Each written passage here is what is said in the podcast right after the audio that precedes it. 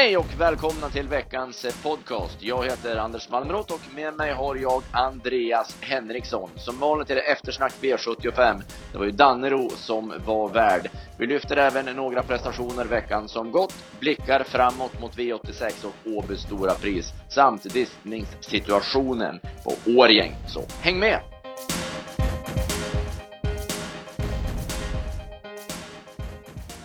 Vi börjar direkt då med V75 1 och eh, Dannero fick en rivstart för våran del med Narold Vox som vinnare och du jobbade ju Andreas har full koll på vad som hände. Ja, äntligen fick han vinna V75 Narold Vox. Det var ju verkligen välförtjänt. Han har stått på tur länge. Och eh, tävlade ju med helstängt huvudlag för första gången och det gav ju verkligen effekt. Han såg ju verkligen mm. fokuserad och bra ut och när han kunde köra sig till ledningen så var ju loppet över. Han har gått gradvis hästen sådär. Först tävlade han med öppet, sen blev det halvstängt och då fick han en kick utav det. Och nu tog man nästa kliv och tog helstängt och då fick han ytterligare en växel eh, i rapphet. Ja, vi hade ju känsla för det. Vi nämnde ju det i analysen att just när han gick med halvstängt för första gången så gav det bra effekt. Att vi kunde tänka oss mm. något liknande nu och så blev det verkligen. Ja. Eh, Tresor Danvern var ju en eh, tveksam favorit ändå från det läget som han hade och var väl kanske heller inte som bäst även om han vann i Bollnäs. Så det var väl ändå läge för att han skulle torska. Absolut och Dance Photo gick ju bra som, som tvåa men det var ju maxutdelning, det gick inte att göra någonting att vinna den. Han var, gjorde en skön Örjan-grej i alla fall. Han kände det att det, det är nog att rädda det som räddas kan när han satt kvar, gick ner in i andra spår och satt kvar då. Och så får han lucka igen på upploppet. Bakom så var ju Caramella BF gick ju bra efter galopp nu såg jag att hon fick spår 8 på lördag så det blev svårt att ta henne då men hon visade bra form i alla fall. Mm. Eh, V75 2 sen, det var ju kallblodskriteriet och vi tog ställning. Det var tre segerkandidater. Vi spikade fyra Smedheimssolen och det blev rätt. Men hästmässigt så var det väl ändå Järvsörappen som stod ut. Ja, han gick ju enormt efter, efter galoppen där. Det var ju Ja, jag hade 23,5 i 1900 meter och eh, det, det var ju osannolikt egentligen. Och som han körde gjorde man igen över upploppet också. Att han inte galopperade då heller. För han var ju trött hästen då och han drevs ju väldeliga. Eh, men han höll sig i rätt gångart i alla fall. Så att det var ju en, en fantastisk prestation. Men det, det är ju trav det handlar om och det nämnde vi också även. Att han är, var ju den av de här som inte är att lita på. Han har ju galopperat tidigare. Smedheimsolan är ju mera en Eh, stabil häst så. Eh, fartmässigt så är Järvsörappen snabbare men eh, mer komplett är ju Smedheimsolan. Och ingen, ingen skugga över vinnaren som vinner på 25-8 från dödens. Det var ju väldigt övertygande. Nej. Nej, precis. Han fick ju göra jobbet utvändigt utan rygg och det kan ju vara mentalt jobbet ibland men det var roligt för Kaj Johansen som hade i ordning ställt tillsammans med tränare Brattås. Eh, V75 3, ett nytt sömnpiller vad gäller gulddivisionen. Det, de får sluta köra de här gulderna, guldarna snart. Eh, vi har ju tagit upp det här nu efter varenda lördag att eh, det är otroligt tråkiga lopp. Allting avgörs första 50-75 och sen händer ingenting. Eh, nu var det Berg som hade läst läxan bäst. Ja, och Sanity var ju inte riktigt i ordning heller. Det hade ju visat sig att han hade problem med bakknäna. Så att Kenta kunde inte ladda från start med honom. Nej, han fick till veterinären direkt eh, och det var behandling som gällde för Sanity så att det, han var ju ursäktad på grund av detta. Eh, men man, man, man får ju den här känslan när, när Berg läser loppen av det att det, han står lite grann över de andra i det här, i de här sammanhangen i alla fall. Ja, han är så vaken och slänger på halvstängt just och vässar upp honom i provstarten och han, han hade ju verkligen en plan med det hela. Mm. Det var någon som satt fast bakom också. Covington Ås satt fast bakom. Han har ju fått liv igen. Ja. Annars var det ju inget att orda om det här loppet. Det gick ju under tio sista varvet ändå på Edjo, så var väl sällan eller aldrig sett han bättre. Nej, det har jag, inte varit. Jag tog in lite luft där i eftersnacket på hemsidan. ja. Nej men han såg ju ruskigt bra ut alltså. Jag har aldrig sett ja. honom bättre. Nej. Nej, det var ett härligt tryck igen och nu är det Sundsvall Open som är nästa för Ed Jo, så det är ju en remarkabel förändring som har skett.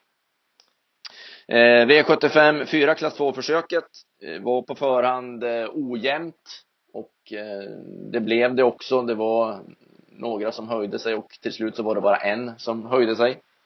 Ja, Robert Berg. Nej, men eh, han hade gjort de rätta eh, ändringarna på Speed Delicious med lite ny vagn och filat till lite balans och så. När han kunde köra sig till ledningen så, ja, så var det ju klart sen. Ja. Eh, Tight Tech såg ut att kunna bjuda strid in i sista sväng, men eh, sen hände det någonting. Ja, han sa det Kenneth att han, han blev för rullig och det gick inte. Men han, han hade mycket krafter kvar så. Mm. Eh, bakom, var det någon du tog med dig något speciellt? Faktiskt inte.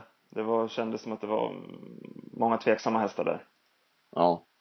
Det var inga att skriva hem om. Antoniam gjorde det ju ett, ett godkänt lopp, men kanske ändå inte riktigt den där toppformen. Eh, V75.5, det var ju guldtäcket. Ett lopp som jag gillar skarpt historiskt sett och eh, det brukar vara ett tajt lopp och, eh, och räkna ut också, men det här vart ju helt annorlunda än vad det varit på slutet. Att Bro Viking skulle vara helt överlägsen på 24 och 6, eh, det trodde jag inte och det var väldigt många som underpresterade. Ja, jag pratade med Mikael Melander som körde vår idé där, Don Viking. Det var en av flera som galopperade och han sa det att uh, han var ju lite vilsen då när han var på väg mot ledningen och kan ha galopperat därför, men sen galopperade han ju upprepat och så han sa att han var, han var inte fräsch för dagen, tyvärr. Nej. Och eh, så Niklas Blom hade uttalat som eh, GG Igor att eh, han var heller inte frisk för dagen och underpresterade och Ja, och överhuvudtaget så blev det väldigt konstigt i startmomentet också. Bro Viking kändes som han hade tjänat 20 meter på en gång och han var ju före många av de här typ eh, Quapriola och sådana. Jag satt ju två längder bakom Bro Viking ganska tidigt i loppet så att eh, det blev på det hela taget en väldigt enkel viktoria för Bro Viking. Även här hade han ju gjort lite förändringar, Robert. Ja, skygglappar och barfota runt om. Ja. Det var segerreceptet den här gången. Adrigo gick eh, okej okay bakom i alla fall. Hanna Olofsson körde ett väldigt snyggt lopp med Adrigo. Det var slalom som gällde. Ja, verkligen.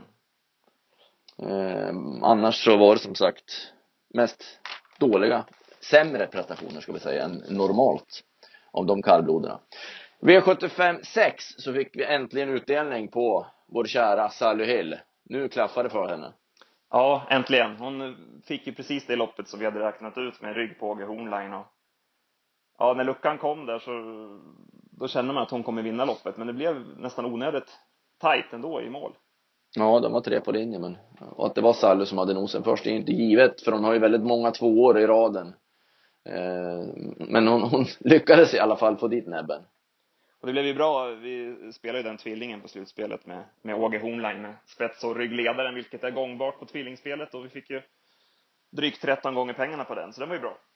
Ja, med en, med en sån bra ryggföljarhäst som Sally i rygg på en en bra ledarhäst. Det är ju de bästa tvillingspelarna som finns. Så att det, det får man ju säga. Även om de stod i ganska höga vinnarodds, både Sally Hill och Åge Hornline, så svårt att få så mycket mer än 13 gånger på en sån här kombination.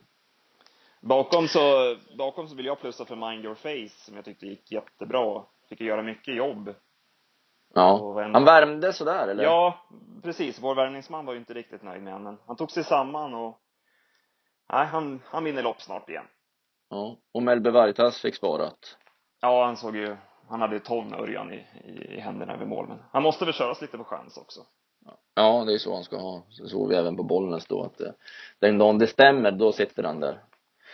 Eh, V75 7 sen så, eh, jag pratade med Claes Ström då sen jag hade analyserat loppet och man fick känsla för att det skulle kunna bli spets och han var ju också inne på det och laddade direkt och eh, det var inget snack sen. Han var jättebra igen. Ja, jag tyckte han såg lite sådär halvsliten ut. 500 kvar någonting men så, ry mm. så ryckte han undan i sista sväng och det var ju ett segerryck. Den här hästen har ju verkligen svarat att han har gjort bra prestationer en tid men det här, ja kombinationen nu med toppform och jänkarvagnen. För han har ju fått ett helt annat lyft i, i selen och det syns ju verkligen. Det var ju andra gången nu som han gick i biken och eh, han har inte varit nära att vara så här bra som tidigare som han har varit de två senaste starterna. Han är bra, bra att köra i jänkarvagnen också, Klas. Det har vi ju sagt, sagt länge. Ja, det är hans, eh, där har han hittat sin nisch. Order to Fly gick ju en bra repa tyckte jag. Ja, jag hade nog 12, 12 sista varvet på han. Eh, ja. Det går inte att göra så mycket mer. Nej, faktiskt inte. Eh, Ras Mackenzie svek ju det här loppet. Eh, det var den jag tyckte egentligen var värst emot. Men han var inte i ordning. Nej, han blev kort i steget och tappade spänsten och galopperade. Ja. Och han är inte med i finalerna nu heller då på lördag som han var inkvalad till. Eh, det var eh, sammanfattningen. Vi fick ju till, till ett rätt så bra DD-netto i alla fall på, på den här kombinationen som blev. Ja, det blev väldigt bra odds på den dubben. Mm, lite överraskande bra, för det har ju varit lite sådär små, små surr om by the law. Mm. Men, Det kändes som att de flesta släppte Sally Hill den här gången, att det drog iväg oddsen med henne. Hon var överraskande för väldigt många. ja, Eh, vinnaroddsen tyckte jag på båda två var egentligen för höga. Eh, men nästan 70 gånger på dubbeln, det var ju bra. mycket bra. Och det var ju surt på Sanity då, för vi sätter ju med, med honom då, men det är inte Ja. inte så mycket att göra. När han inte är Nej, det var lite, nej, lite irriterande att åka på sån här V7 på Edjo när det egentligen, man från början tyckte att det var två hästar som kunde vinna men eh, när man ändå läser det och man tror ändå att Sanity ska komma till ledningen och så dubbla då med, med Edjo med bakskor och har ett lopp i nästa läge som är stort så ja men det är surt i efterhand kan jag säga sitter som en liten tagg eh, spela nästa gång Ja, vi nämnde ju några där. Eh, Covington Ås, Melby Vartas och även Santis Cornelis satt ju fast med sparat. mm. Och så var det Mind Your Face som jag tog med mig lite extra också. Mm.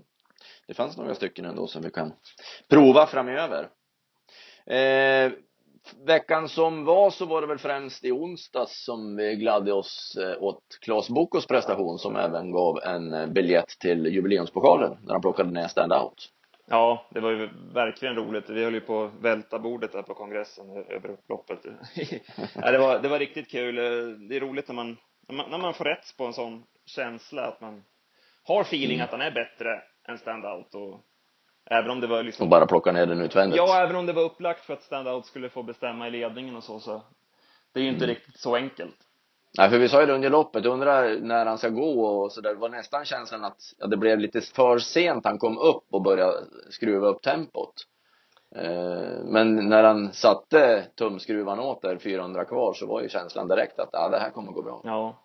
Ja, den, Han är, här, han är härlig Claes Boko på det sättet alltså. Vilken tanks det är. ja, nu när han ser så fräsch ut också. Det var ju det Ja. intrycket man tog med sig från senaste starten, att han aldrig sett så fin ut och nu kunde han ju speeda 07 sista fem och Ja. han har blivit Han har hittat en, en, en ny dimension. Det blir ju spännande att se för normalt när man ser de här hästarna som ska vara med nu i jubileumspokalen så kanske man tycker att Claes Boko är huvudet kort kanske. Men till fasen ändå så om man får det här loppet i draget istället och slipper göra jobbet själv och det blir ett tufft tempo och han får fritt 300-400 kvar som Erik är en mästare på att hitta de här taktiska dispositionerna. Ja, och det är ju Ha- helt rätt kurva på honom också. Ja, Han är verkligen på väg uppåt. när man har slutat med barfota nu också kör man de här lätta skorna istället så han inte är så fladdrig i stilen. Eh, nej, Klas blir spännande att följa, givetvis. Eh, vi hade ju även en situation igår som ju var mindre rolig i Årgäng då man eh, placerade Höstbo Fredrik på fel volt och släppte starten kusk och funktionärer var på fel ställe och vilket, nej det, det får ju, det får inte, får ju bara inte hända. Det är ju helt otroligt hur det kan hända. Ja. Ja, det är sinnessjukt. De, jag såg ju programmet då att de inte hade, att de bara hade en, ett streck om man säger då, istället för Ja, det var inte feta. Nej, men precis. Nej. Men Nej. att därifrån att, det står ju fortfarande rätt distans i programmet så att Ja. det känns ju ja. Hur det kan slinka igenom i alla led, så här får man ju verkligen kolla över alla rutiner för det blir ju, ja man tycker, det är ju all, alla är ju förlorare i det här nu. För det, de som hade spelat V5 och hade Mino, de får ingenting fast det står att Mino nu har vunnit loppet på resultatlistorna. Höst på Fredrik hade en etta längst upp i raden, eh, tappade den och blev fråntagen segern och har inga poäng nu i stort sett att anmäla på istället. Eh, ja, är ytterst beklagligt. Det får vi hoppas och det borde väl vara så nu att man har möten snabbt att gå igenom rutinerna så att det inte händer igen. Eh, onsdag Solvalla har vi ju en eh, tänkbar nästa gångare från vår podd förra veckan. Som jag funderar på i alla fall. Nöme Kitpa ska starta. På Jägersro ja. Eh, Ja. Du, du såg ju provstarten där senast på, på Ja, Rättvik. jag, ja, jag tyckte han såg vansinnigt bra ut alltså. Det var, nu fick han ju ett spår eh, lite, lite långt ut då. Sju i, i, i, första V86-loppet. Men eh, ja, jag kommer nog att investera någon krona i honom, det kan jag säga. Mm. Det är Johan Untersteiner som kör den här gången. Han ser så fräsch och fin ut nu så att det, det blir mycket, mycket spännande. Eh, sen har vi även en eh, kan, eventuell poddvinnare på lördag V75 på Åby i Ja, finalerna. precis. Silverfinalen. Melby Apollo har ju, nämnde vi senast. Han, Ja. står ju verkligen på tur. Det han inte har tur med, det är ju spåren. Ja. Oddshöjande va? ju- Ja, vi, vi, ser, vi ser det så den här gången och sen har vi även eh, Arazzi Boko Oktober Kronos eh, med framspår så att det, det skulle kunna bli lite tempo i det där loppet. Så att ja, vi, vi håller Melby Apollo-flaggan högt i alla fall så här i, i tidigt i veckan. Eh, sedan så tar vi även omtag då med våran derbyfläta. Vi hade ju tänkt att vi skulle inleda den i, den här veckan, men det kommer att bli nästa vecka eh, med klurigheterna inför derbyt där vi har som eh, priser då våra V75 tips under derbyhelgen som kommer att eh, lottas ut bland de rätta vinnarna. Men de två första frågorna i derbyflätan kommer alltså nästa måndag. Eh, så vet ni det. Det var allt vi hade den här veckan. Hoppas ni har haft nytta och nöje av detta. Lycka till med spelandet. Vi hörs om en vecka. Ha det gott!